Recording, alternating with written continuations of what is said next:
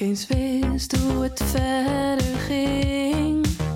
Wie blijven leven en waar gaan ze heen? Dit is Achterwerk, de podcast over de legendarische rubriek uit de VPRO-gids. Ik ben Elja Looijenstein, redacteur van de VPRO-gids. 40 jaar lang stonden er achter op de gids brieven van kinderen en jongeren. Vol vragen, problemen, wensen en frustraties. Sommige hilarisch, andere hartverscheurend. Van sommige brieven bleef ik me afvragen: wat is er van geworden? En dat zoek ik uit in deze podcast. Katja de Bruin. Elja, Ik heb vandaag echt een heel speciaal verhaal voor je. vertel. Het komt uit 1982. Het speelt zich af op een middelbare school. Volgens mij zat jij ook rond die tijd op de middelbare school. Ja, toen was ik veertien. Dat is Ja. grappig, want eh, de briefschrijver van vandaag... die is precies even uit als jij oh, dan. wauw. Je zal wel ehm, veel dingen herkennen ook uit het tijdsbeeld wat we tegen gaan komen. Ja, misschien eh, zal ik maar gewoon gelijk eerst naar de brief gaan waar het over gaat. Het was eigenlijk een reactie op een andere brief. En die andere brief was van een meisje wat een leraar op haar school heel erg leuk vond. En die schrijft in die brief van... kun je wel verliefd worden op een leraar? Nou ja, zoals jij weet als achterwerkredacteur kan dat wel. Hè? Want die Het kan heel goed, ja. Die kwam echt met heel veel regelmaat terug, dat onderwerp. meisjes die zitten te zwijmelen in de klas. Ja. Deze Lisette stuurt dan een antwoord. En de brief heet Niet verlegen. Hallo Danielle. Verliefd zijn op een leraar kan heel goed. Prima zelfs. Ik ben 14 jaar en zit in de tweede van het ateneum. En in februari van dit jaar kregen we een te gekke biologiehospitant. Na heel veel getreuzel ben ik op hem afgestapt en heb zijn naam gevraagd enzovoort. Nou ja, twee dagen later zat ik bij hem op de koffie. Een dikke drie weken later was het aan. Ik heb ruim drie maanden verkering met hem. Ook al is hij 25, hij lijkt wel 18. En daar ik ook een jaar of 15, 16 lijk, dat zegt men tenminste, maakt het toch niet veel uit. Zeg Danielle, ik wens je veel succes. Vraag aan iemands adres en wees niet verlegen. Nou ja, Lisette was niet verlegen, dat is duidelijk. De brieven die ik me herinner over dit onderwerp... bleef het meestal bij gezwijmel en niet, werd er niet echt doorgepakt. Gelukkig ook maar. Helemaal niet de bedoeling om dat te doen. Maar ja, zij heeft het blijkbaar wel gedaan. En hij dus ook. Ja, er gaan op zich wel alarmbellen rinkelen Ja, bij zo'n groot leeftijdsverschil. dat is wel een beetje verontrustend. We hebben haar benaderd. We vonden het best een beetje spannend. Want we dachten, ja, misschien is dit wel op een hele nare manier Ja. afgelopen. Maar ze, ze wilde eigenlijk graag haar verhaal doen. Ja, ik ben vooral heel benieuwd hoe ze daar nu op terugkijkt. Want eh, als, als meisje van 14 denk je nog niet zo na over de consequenties van zoiets. En ik kan me voorstellen dat, dat ze daar nu toch met hele andere ogen naar kijkt. We gaan het horen. Heel benieuwd. Dit is het verhaal achter Niet Verlegen. Alles komt goed. Alles komt goed. Alles komt goed. Alles komt goed.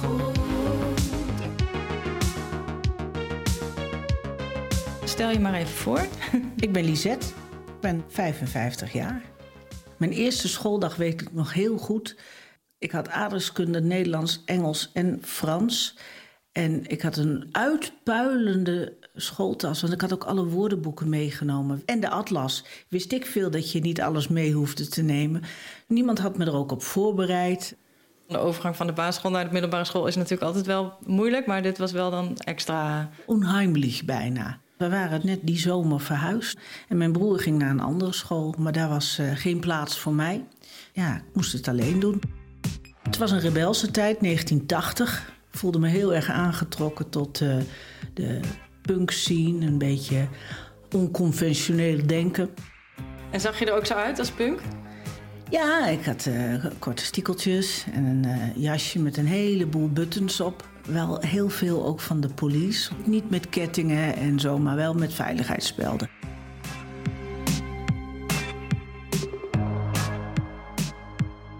Ja, en toen op een dag bij de biologieles. Eh, Vertel eens. Ja, biologie was niet echt mijn favoriete vak. Maar op een gegeven moment hadden we een hospitant, heette dat destijds. Dus tegenwoordig zou je stagiair noemen of zo. En die kwam mee met de leraar in de klas. Helemaal niet een mooie jongen of wat dan ook. Maar ik kon mijn ogen niet van afhouden. Dat had ik nog nooit meegemaakt. Echt een, een, een gloei van binnen. Super verliefd, ineens. Ik denk, wat er ook gebeurt, hier moet ik achteraan. En voordat je hem dus zag, was je toen al bezig met jongens? Ik was heel erg verliefd op Sting. ik, had een, ik had een bedstee en die ging helemaal vol met posters van Sting. Dus, uh, maar voor de rest met jongens, nee. Hoe zag hij eruit dan? Uh, ook niet zo groot. Geen standaard kleding aan. Uh, een bandplooibroek, wit t-shirt, donker haar. Er was iets aan hem wat me meteen uh, opviel. Een leuke lach. Hij grinnikte op een gegeven moment ergens om. Uh, vlinders all over. En toen dacht ik, ik moet zorgen dat hij mij ziet. Dat ik opval. Tijdens de les in één keer heel actief meedoen. Vingers opsteken, dingen beantwoorden. leuk doen. Constant oogcontact proberen te maken. Ik had niet het idee dat, hij dat, dat hem dat opviel. Biologie in de eerste twee jaren was echt heel leuk hoor. Het ging over bomen en huisdieren, vogeltrek en vogels en zo. Ik ben Theo, heb biologie gegeven in de jaren 79 tot 84 op die school. Wat was een beetje de indruk van die school? Het was een beetje kak volgens mij. Het was een prachtig gebouw met een hele hoge deur als je daar binnenkwam en zo met glas. Het zaten zo'n gang met die mooie lokalen aan de zijkant. Het was echt wel een beetje deftig volgens mij. Ja, die hospitant waar ze dus verliefd op werd, daar staat hij verder niks van bij. Helemaal niets. Ik was daar pas een paar jaar. Als je heel lang docent was, dan kreeg je een hospitant eigenlijk, hè, die dan van jou wat het vak kon leren of zo. Hè. Maar ik was in november 79 begonnen, dus ik kon nog nauwelijks lesgeven, joh. U heeft wel echt heel veel bewaard, dat is wel heel bijzonder. Dat u dat gewoon allemaal zo op tevoorschijn tovert.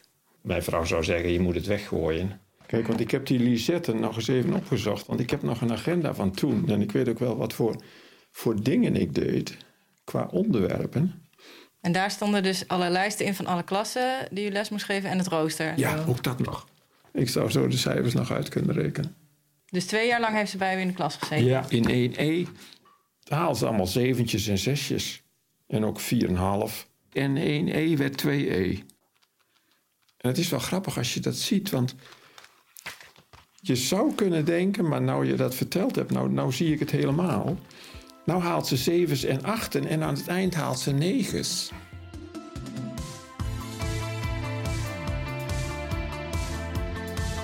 Dus op een gegeven moment na de les waren vrij, eh, heb ik mijn band laten leeglopen van mijn fiets.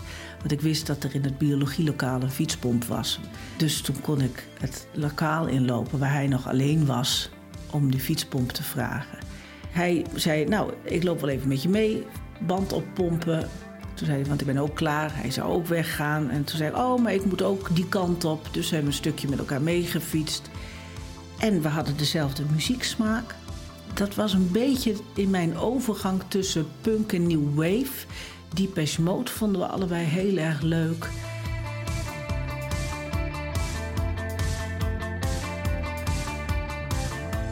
Muziek is heel erg belangrijk, heel erg vormend. Ik had het gevoel dat ik in een hele andere wereld zat dan mijn leeftijdsgenoten. Ik vond de, de meisjes oppervlakkig, met dingen bezig waarvan ik dacht van ja, lekker belangrijk. Uh, je haar je nagellak, uh, de manier waarop je je boeken gekaft had. En de jongens waren ronduit van een andere slag dan ik gewend was. Ja, ja. En wat voor dingen was jij dan mee bezig? Kernwapens, wereldvrede, vegetariër, eh, tegen de bio-industrie. En toen zag ik in de volgende agenda, toen dacht ik, zou ik alweer gehad hebben? Dat is trouwens wel grappig, want ik zie dit, hè. Toen ging het al slecht met de wereld. Ja, want er staat een, een ondergaande zon. En er zit allemaal viezigheid aan. Dus dat ging toen toch heel erg over het milieu. Ja, dat klopt ook wel, want we hadden toen ook energiecrisis. En Den Uil, die was van de autoloze zondag. Ja, het was die tijd van kruisraketten. Ja. Maar ik, had geen, hospitant volgens mij. Dat kan ik me niet voorstellen anders dan. Weet je wat zou kunnen? Ik denk dat mijn grote baas, dat die een hospitant had. En dat hij gezegd heeft, ga maar eens bij collega's kijken. Want ik geloof dat ik best leuk biologie gaf. Ga maar eens bij hem zitten of zo. Dus ik denk dat hij maar één of twee keer geweest is en dat het daar meteen klikte met die. Uh, ja. ja, dat zou kunnen. Ze zei wel dat het echt een soort liefde op het eerste gezicht was. Ja, dat, zo moet het geweest zijn. En uh, toen heb ik hem uitgenodigd om eens een keer een kopje thee bij ons thuis te komen drinken. Uh, en mijn vader die was thuis. Een paar weken later gaf hij bij het afscheid een, een zoen. En zei, bij ons doen we dat drie keer. Dus hij gaf drie zoenen.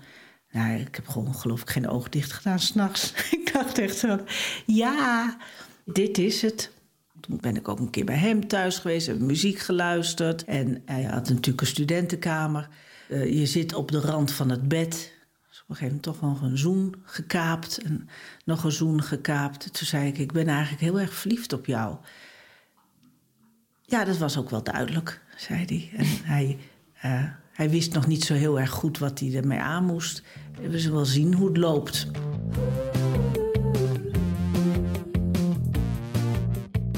In het tweede jaar deden we heel veel voortplanting. Van bomen en van planten en van mensen. Daar kwam natuurlijk de menselijke voortplanting ook uh, tevoorschijn. Het was een heel groot stuk volgens mij in de biologie in het tweede jaar. Maar dat, was, nou, dat ging heel technisch, denk ik. Was ook wel niet het makkelijkste onderwerp om te doen eigenlijk. Ik kan me voorstellen, ja. Nee, Met allemaal van die pubers. Ja. En je bent zelf ook nog best wel jong. Ja, joh. En, en het was dan heel veilig om het maar technisch te houden eigenlijk. Hè. Dus uh, weet je, toen ging het veel meer um, vanuit de docent naar naar de leerling toe. Maar nu zou ik het helemaal andersom doen eigenlijk. Ja, als ik er nu over nadenk, zou ik denken van... Dat kan haast wel zonder programma. Je begint gewoon en je laat dat gewoon maar. Ja, en er leven waarschijnlijk ook heel veel vragen bij leerlingen daarover. Ja, maar ik denk dat die, dat die niet uitgesproken werden. Ondertussen keek je wel in de klas en dan wist je wel dat er meiden zaten die, nou ja, eigenlijk verliefdheid en, en, en dat soort dingen. Ik kan nog heel goed me herinneren hoe verloren ik me voelde op die nieuwe school. En wat er een wereld voor me open ging, dat ik eindelijk ook iemand had met wie ik een connectie maakte, met wie ik me veilig voelde, met wie ik kon praten.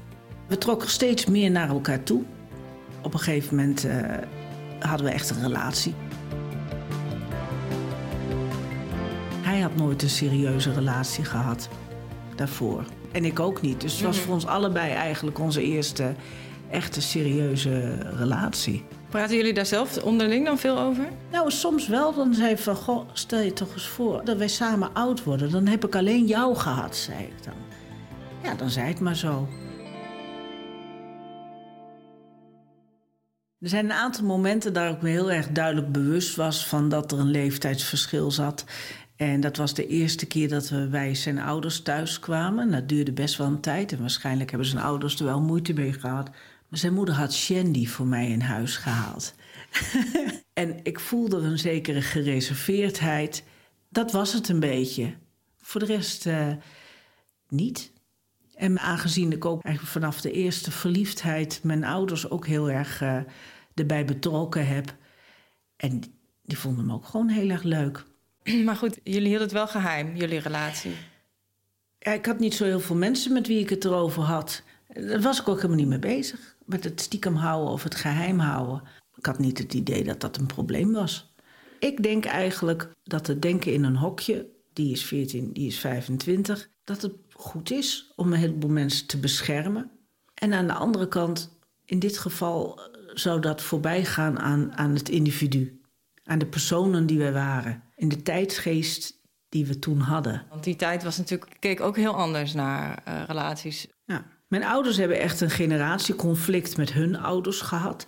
Mijn ouders zijn hippies. Het is de eerste generatie geweest ook die, die aan geboortebeperking kon denken.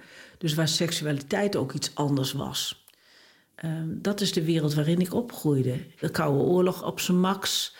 Niet zoiets dat we heel fatalistisch waren.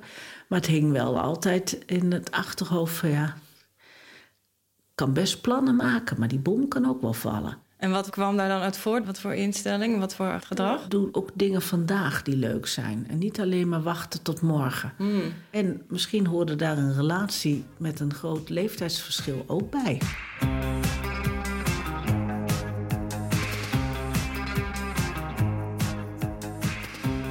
De brief hebben we het nog niet echt over gehad. Dat jij dacht van, hé, hey, ik ga nu een brief schrijven naar Achterwerk ik las een brief en ik weet niet meer helemaal precies hoe die was, maar dat was in ieder geval iemand die zegt: Kan het eigenlijk wel dat je verliefd wordt op een ouder iemand? Ja, tuurlijk kan dat. Wat je ermee doet is een tweede. Toen ben ik gewoon heel impulsief in de pen geklommen en heb ik het uh, geschreven. Ik weet niet of daar veel reacties op zijn geweest. In ieder geval vanuit de omgeving van mij niet. Ik heb hem toen wel uitgeknipt. Ik heb een schriftje op zolder liggen hier. Dat schriftje heeft de eerste publicaties over Lisette. En daar staat deze brief in. Wat staat er nog meer in dan? Oh, ik heb een keer eerder een brief geschreven naar de VPRO-gids. Die staat er ook in. En advertenties eh, die ik heb gezet om police posters te krijgen in de popfoto of zoiets dergelijks. Maar daar houdt het ongeveer mee op. Voor de rest heeft die brief niet veel stof doen opwaaien, volgens mij. De mensen op jouw school hadden hem dus niet gelezen. Nee, dit was een school waar de VPRO geen toegang toe had, volgens mij. Ja. Nee, nee, nou ja, op zich een geluk uh, voor jou. Want anders was de relatie natuurlijk wel meteen bekend geweest op die school. Ja.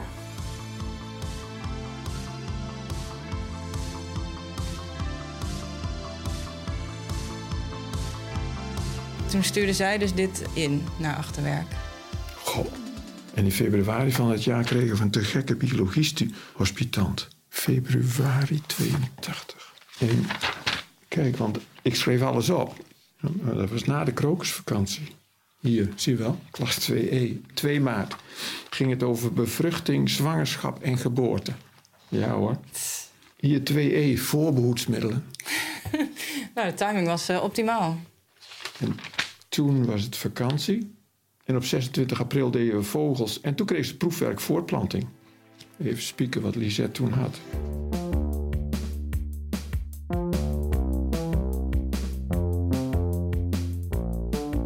Ik denk na een aantal maanden dat we op een gegeven moment dachten van ja, dit begint toch echt wel serieus te worden. En um, toen zijn we naar de Rutgers Stichting gestapt omdat we het idee hadden als je verder gaat met deze verliefdheid in deze verkeringachtig ding, komt er misschien ook een moment dat je uh, aan een intieme relatie gaat denken. Maar ja, dan zitten we wel met een leeftijdsverschil, wat we tot dan toe eigenlijk helemaal niet gevoeld of gemerkt hadden. Wat ik heel erg goed vond, was dat de arts heel duidelijk uitvroeg over vrije wil. Of er sprake was van dwang of ik me er iets bij kon voorstellen. Geboortebeperking. Ik wou ook graag dan aan de pil. En eh, praten jullie dan veel over een toekomst samen? Ja, oh ja.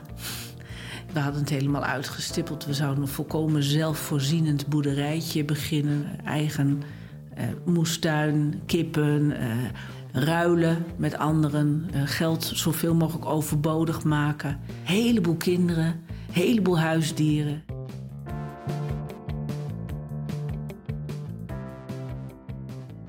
Hij woonde aan de andere kant van de stad. En op een gegeven moment uh, was ik bij hem thuis. En de leraar onder wie hij uh, viel op school, die heeft ons hand in hand zien lopen. En ons samen zijn kamer zien binnengaan. En toen moesten we bij de rector komen. En wat zeiden ze dan tegen Hij zei, uh, uh, je bent gezien, samen met, met die hospitant. En hij vroeg, hebben jullie iets met elkaar? Ja, dan ga ik geen nee zeggen. Dus ik zei ja. En hij zei, nou, dat, uh, dat is dan het einde van je tijd hier op deze school. Dan moet je naar een andere school, want dat, uh, hij mag niet meer terugkomen, jij ook niet. Ik zei, maar dan, uh, dan wil ik hier ook niet meer, dan is het klaar. Dus dan ben ik weggelopen. Deur dichtgestaan, natuurlijk potje gejankt op straat, maar goed. Maar het is toch heel raar dat jij dan van school moest? Ja, we zijn samen schuldig aan iets wat niet hoort in hun ogen. Ik denk, ja, Ga iemand straffen omdat je verliefd bent op elkaar, omdat je van elkaar houdt? Nou, goed. Als jullie zo over denken, dan wil ik er niet eens bij horen bij deze club. En toen kwam ik op thuis. Zei ik, ben van school gestuurd. Oh, en nu? Ik zei, nou, zal ik dan ook naar de school van Dick? Ze we gaan even bellen. En toen kon ik eh, naar de school van mijn broer.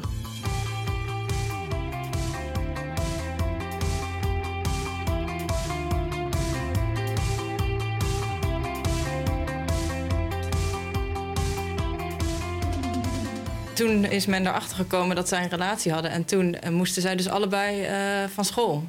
Nou, dat is helemaal heftig, hè? Ik had hem meteen van school gestuurd, uh, moet ik zeggen. Maar... En wat moest hij toen doen? Naar een andere school. Ja. Jeetje. Het gekke is dat ik daar dus helemaal niks van meegekregen heb. De dingen werden een beetje onder tapijt geschoven. Ja, dat werd niet besproken eigenlijk. Ja, misschien in, in het roddelcircuit of zo.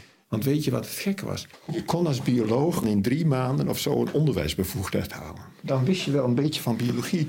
Maar van dat, wat er op de middelbare school lesgegeven werd, daar wist je helemaal niks van. Hè? Ja. Dat ging dan niet in detail over hart of bloedsomloop of hersen of zo. En ook zeg maar hoe je les moest geven, daar werd je eigenlijk ook niet echt veel Oh, over. vreselijk, jongen. Pedagogisch, didactisch was het gewoon waardeloos. Stelde helemaal niks voor. Hè? En destijds, omdat je niet zeker wist of je wel een baan kreeg... En, en onderzoek was eigenlijk best leuk om vier jaar onderzoek te doen. Maar dan wist je zeker dat je na de tijd alsnog werkloos was. Dus heel veel van die biologen, studenten, die deden gewoon ehm, zo'n onderwijsbevoegdheid drie maanden even erbij. En als het dan toch niet lukte, dan, dan kon je dat. eh,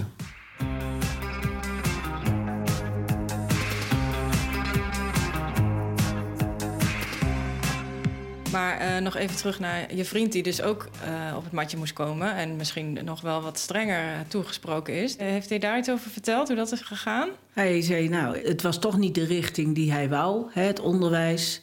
Dus eh, schouder ophalen en we gaan verder. En die zomervakantie zijn we met mijn ouders en mijn vriend en ik zijn met z'n vieren op vakantie geweest. Want ik wist, nou ja, straks ga ik naar een andere school. En ik had van mijn broer gehoord dat het een hele leuke school was. Leuke leraren. Dus nou, dat, dat moet het dan worden. En dat was het ook. Want op die nieuwe school, nadat mijn vriend en ik, nou, ik denk dat we tweeënhalf jaar samen waren. Toen zat ik op de nieuwe school in de eh, schoolkrantredactie.